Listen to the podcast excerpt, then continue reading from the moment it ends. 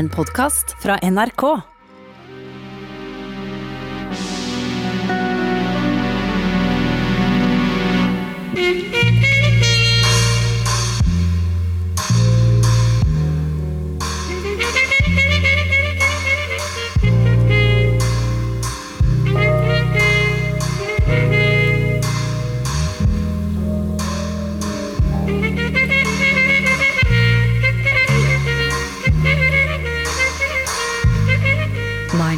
Miles og trompeten. Legende i levende live, men som brått forsvant fra scenen uti året 1975. Etter å ha holdt på i intense 30 år siden debuten med Charlie Parker i 1944, og arbeidet frem stilart på stilart. Skulle Miles Davis bli borte for alltid? Nei, her var han igjen. Så hvordan skulle livet og musikken bli etter årevis med heroinmisbruk og nedslitt helse? Musikerne forteller om tiden med Miles Davis etter comebacket.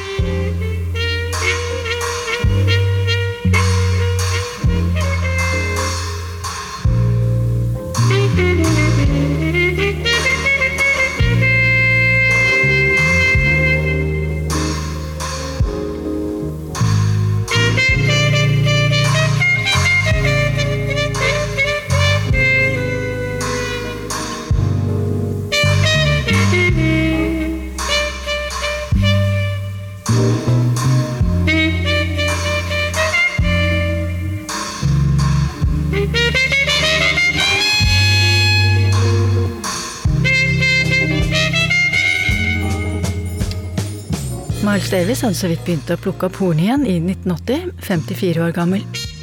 På fem år hadde han ikke rørt trompeten, ei heller engasjert seg i musikk. Livet hadde bestått av alkohol, sex, drugs og TV. Men nå, på vei inn igjen, trakk han fortsatt til seg de beste musikerne. Musikerne som jobbet med han, har alle sine forskjellige opplevelser. John var inne som gitarist i nesten tre år. I remember feeling like when I joined Miles's band that I was the member of a secret club. And he made you feel like that, like, okay, you're in with me now. You're in this secret society that uh, you can be a part of. And it was very special to be in that club, you know.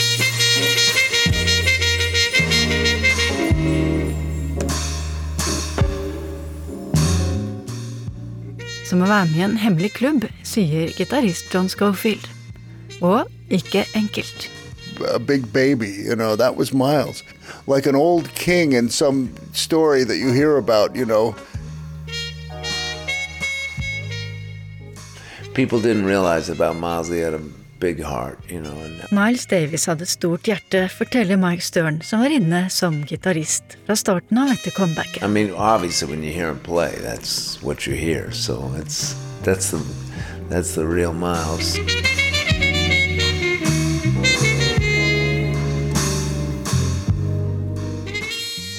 Verden der ute hadde ventet spent på et mulig comeback fra Miles Davis, og nå drøyt fem år senere skulle det bli særlig Bill Evans som hjalp han tilbake igjen. En ung fyr på 22, og med en aldersforskjell på over 30 år. Yeah, I mean, I, I would go up and see him every day. I mean, and talk about music and walk around the city, and and that's what we did, you know. And so, um,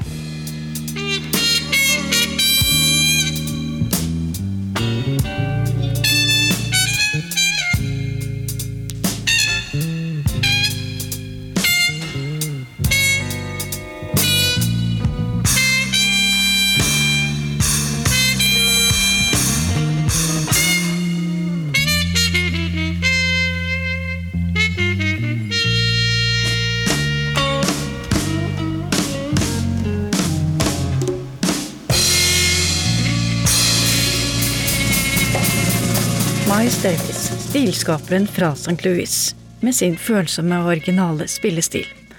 Bandlederen som dro frem det beste i folk, og som alle ønsket å spille med. Og som nå sist før bruddet hadde sprengt grenser med elektrifiseringen av jazzen. Og så den siste ville turneen i Japan med albumene Agartha og Pagea, der tradisjonelle jazztilhengere for lengst hadde falt fra. Det endte med dette uttrykket fra februar 1975. Heroinmisbruk, en generell dårlig helse, men full trøkk på musikken. Bør spilles så høyt som overhodet mulig, står det på platecoverne.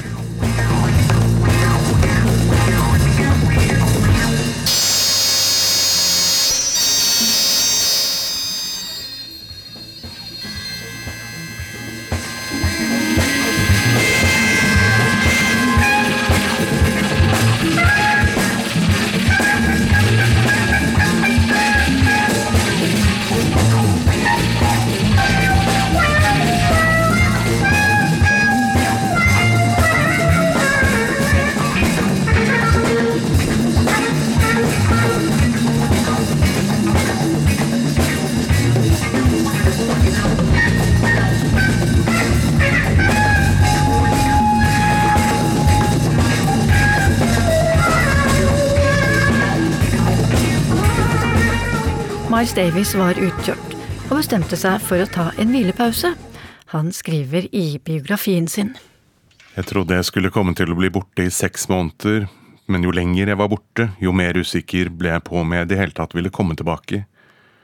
Og jo lenger jeg var borte, jo dypere sank jeg ned i en annen, mørk verden. Nesten like mørk som den jeg hadde trukket meg selv opp av da jeg var junkie. Nok en gang står jeg foran en lang og smertefull vei tilbake til klarhet og lys. Miles Davis kom fra en akademikerfamilie og hadde vokst opp i et hovedsakelig hvitt nabolag. Faren var tannlege og moren fiolinist og musikklærer. Perioden borte fra musikken var over, Miles var blitt 54 år gammel, og året var 1980. Det å ta opp hornet igjen etter fem år hadde store omkostninger. Miles var utrent på trompeten sin. Han startet med å spille litt med bandet til nevøen sin, Vince Wilburn, som hadde øvd seg opp på trommer, blant annet under veiledning fra Uncle Miles, men hvordan ville det gå å stable et ordentlig band på beina igjen? Å finne passende musikere gikk skrittvis, forteller Bill Evans, en venn av nevøen, og den gang 22 år gammel. Nå var han blitt tilkalt for å vise Miles hva han kunne duge til som. Bill Evans forteller. My first meeting was uh, up at his building at 77th Street. And uh, he had called me and asked me to come up to his place and play for him, to bring one of my saxophones. He said, Bring your soprano. And so uh, I went up to the corner of West End and 77th Street. And I called him from the corner telephone. And uh, well, a girl met me at the door and said, Miles is upstairs and would like to see you. So I went upstairs, and that was my first meeting with Miles. And what did he do then? Did he ask uh, you to play for him? Yes. Uh, he said, um, Great, nice to meet you. Thanks for coming up. And Bobby Irving, the piano player that was with his nephew's band, Vince Wilburn's band, um, he said, "Let's go. Let's go downstairs." We were upstairs at the time, and Bobby was playing a um, blues on a keyboard, and uh, Miles just said play. So I took out my soprano and played. And after a couple minutes, Miles said, um, yeah, "If I were to play saxophone, I'd want to play just like you. That's great. Let's go get something to eat." We went back upstairs and got something to eat, and that was it. Miles Davis sjekket ut musikere for det nye bandet sitt, og um, han var altså veldig fornøyd med saksofonspillet til Bill Evans. La oss dra ut og spise, sa han bare etter at han hadde fått jobben. Bill Evans bidro deretter til å få Miles ut i samfunnet igjen, forteller han. He'd been off for a few years, and so now I was his connection. And so he took it a step at a time, I'm sure, but it was um, it worked out really good. We became really good friends. Og han hjalp ham med å vurdere låter. Som Jean-Pierre.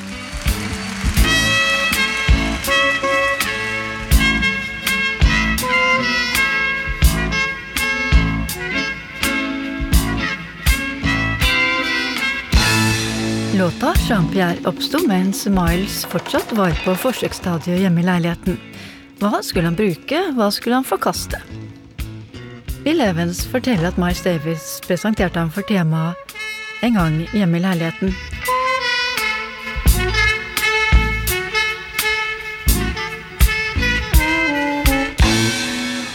when he was in his apartment, he came down and um, played that melody.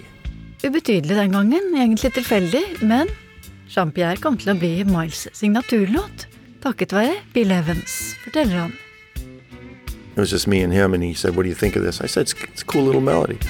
So when we were in Boston, Jean-Pierre ble spilt live på den aller første konserten.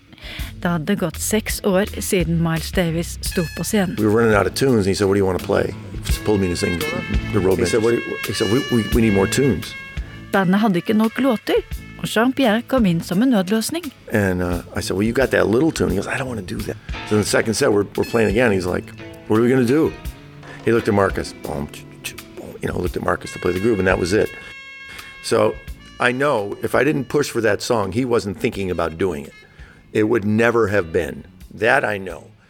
So I kind of feel every time I hear that, I kind of feel responsible for that song because I am.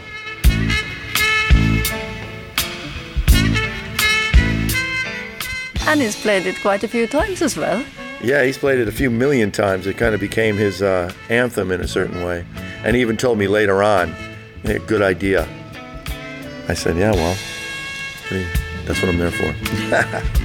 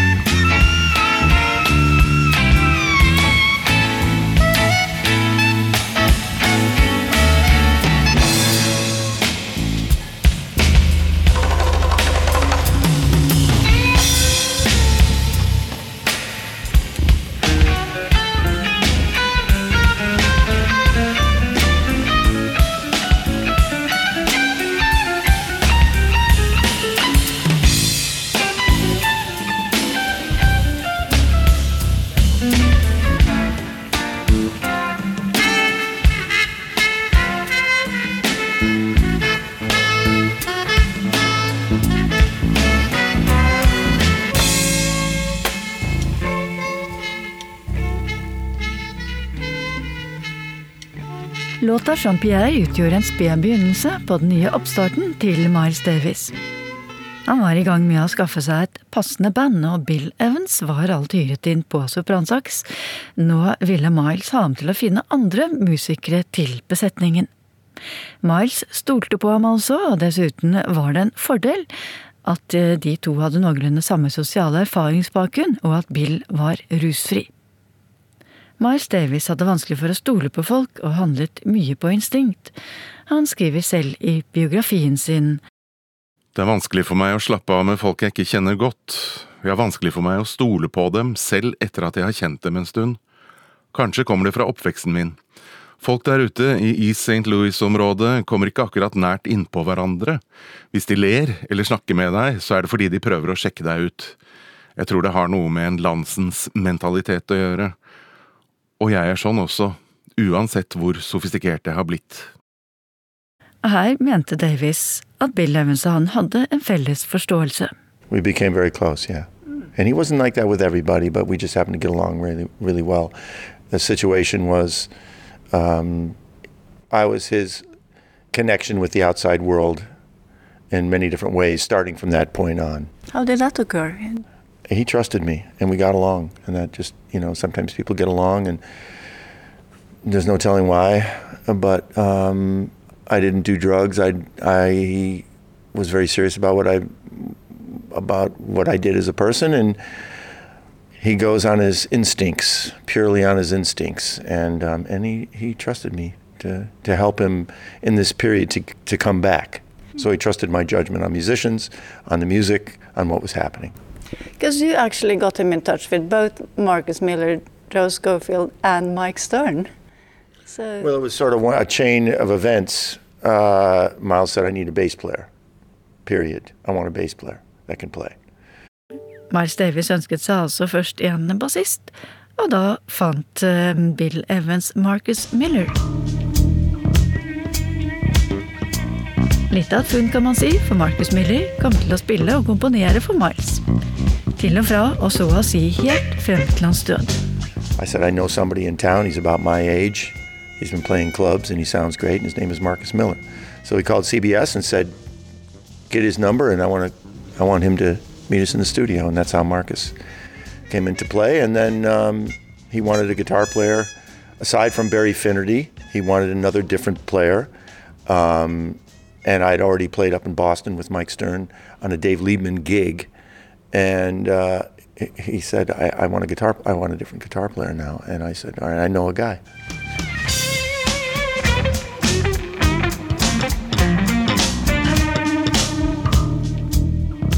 Gitaristen som Bill Evans hadde i tankene, het Mike Stern. Miles Davis hadde ikke hørt ham før, men eh, tok ham på ordet. Og eh, de stakk ned til klubben Bottom Line i New York for å høre Mike Stern der han sto på scenen med Billy Cobham. So I told Miles, I said, come with me, I'll pick you up in a taxi cab and we'll go down and hear him at the bottom line in New York. And he said, he better play good because I don't go to clubs. I didn't want to go to, he didn't want to go. And we went down there, we sat at the table, and Mike played, and he listened to him for a while. He said, Mike Stern var i stuss da han så Miles Davis ute blant publikum. Bill Evans hadde fortalt ham at han hang rundt med Miles og også spilte med ham, men det hadde ikke Mike Stern trodd på. And Bill had already said that he was playing with Miles. I didn't even believe him. And then I kind of started believing him. And he, he said, I'm, we're getting, we're recording and we're getting ready to go on the road, but he's not getting along with the guitar player. Nå satt altså Miles i salen og skulle sjekke ut gitarspillet hans. said, yeah, we'll try him out. Try him out.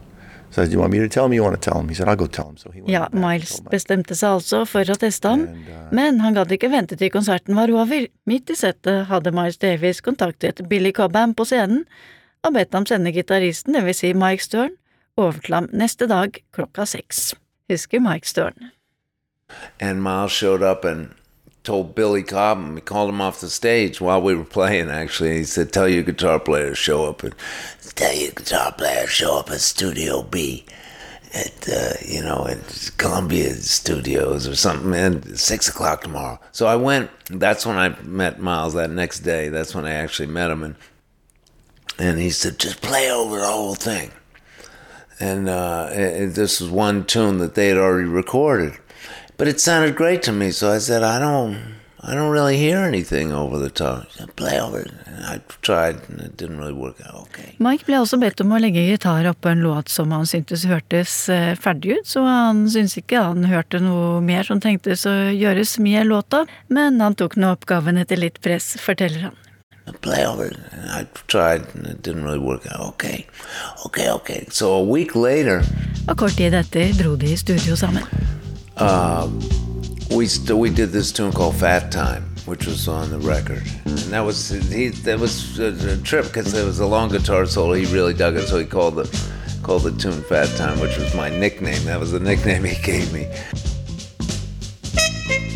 Fat Time kom som første sporet på LP-en The Man With The Horn. Og Mike Stern fikk tilnavnet Fat Time, noe han var godt fornøyd med. So was uh, very, uh, very, you know. Året var 1981, og oppholdet på seks år var brutt. Nå besto bandet til Miles av Marcus Miller bass, Mike Stern gitar, mangeårig kollega Al Foster på trommer, Sammy Figuera perkusjon, Robert Irving og Randy Hall tangenter samt nevøen Vincent Wilburn og Barry Finnerty, som var på vei ut.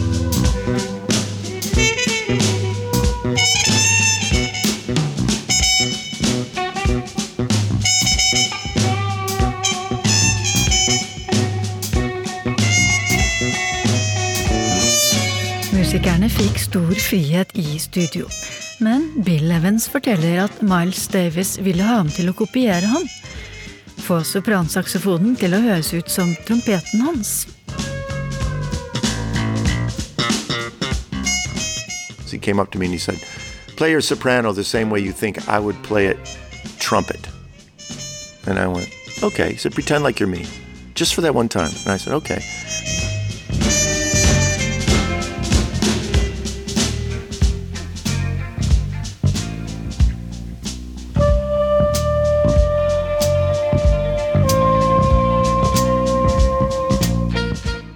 And he was standing right next to me. Miles sto rett ved siden av ham i studio, forteller han, hodene tett inntil I mean, his head was right next to my horn when I played that solo.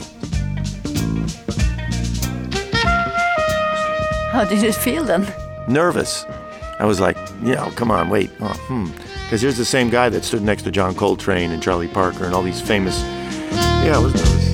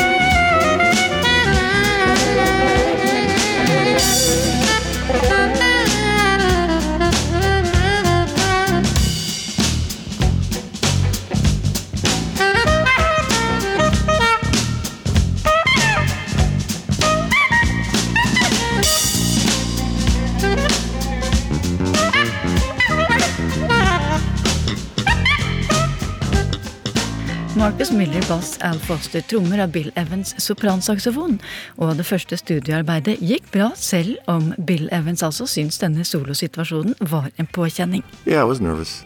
But, you know, It came through really strong. I would love to have had another shot at it now. You know what I mean? I played, I would play differently, you know. Mike Stern fikk sin ilddåp som gitarist med denne soloen, og han var overrasket over hvor mye tid han fikk. Well, that time was a big one for me. I mean, it's a long ass guitar solo on it. He let me just go on forever. And uh, it just was, that was the first one that I ever did with him.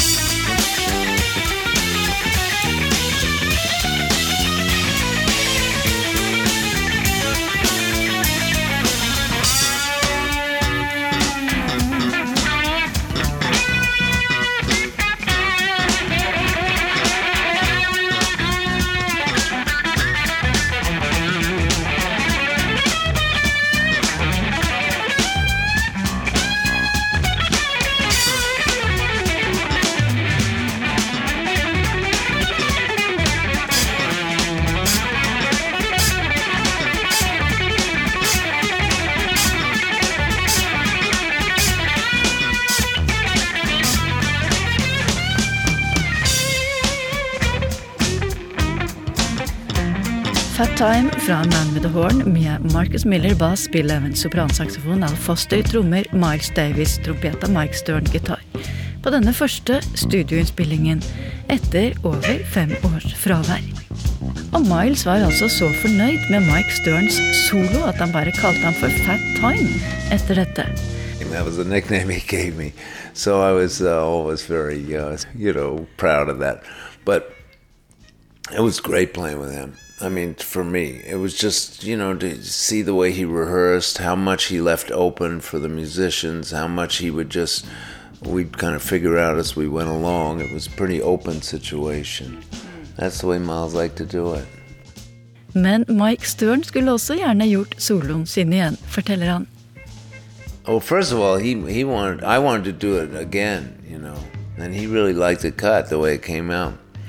And I said, Chief, I, I can do it better. Let me do it again. And he said, Fat time. When you're at a party, you got to know when to leave.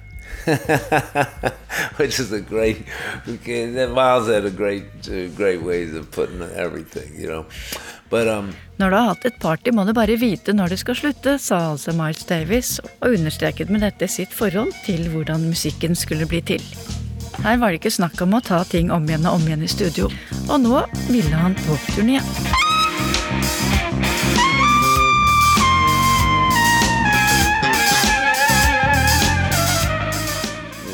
right after we cut that tune, actually, he said, "We're gonna, we're gonna go on the road and we're gonna have fun." And I said, "Great, man. Who's playing keyboards?" He said, "No keyboards, just you." So I went, "Oh shit!" But he wanted that real lean kind of sound. He wanted very open, just one guitar. He would play a little bit of keys, but not much.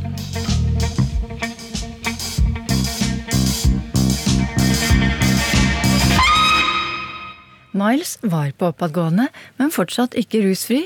Første konsert var i juni 1981, på en liten klubb ved navn Kicks i Boston. Miles bestemte seg for å ankomme i sin kanarigule sportsbil, etter å ha snorta litt kokain før avreise. Han kjørte i vill fart nedover, forteller han i boka si, men etter ankomst ga han bort resten av kokainet. Han skulle vinne kampen mot rusfikseringen. Og han syntes det var flott å ankomme i sin gule Ferrari.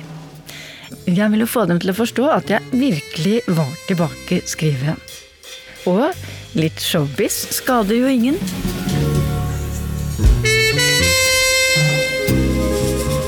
De ga flere konserter på Kicks.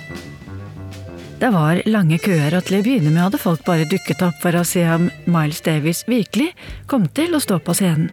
Men når det nå viste at han gjorde det, ble lokalet fullpakket. Folk gråt når de så ham, og gråt når han spilte, skriver Miles Davis.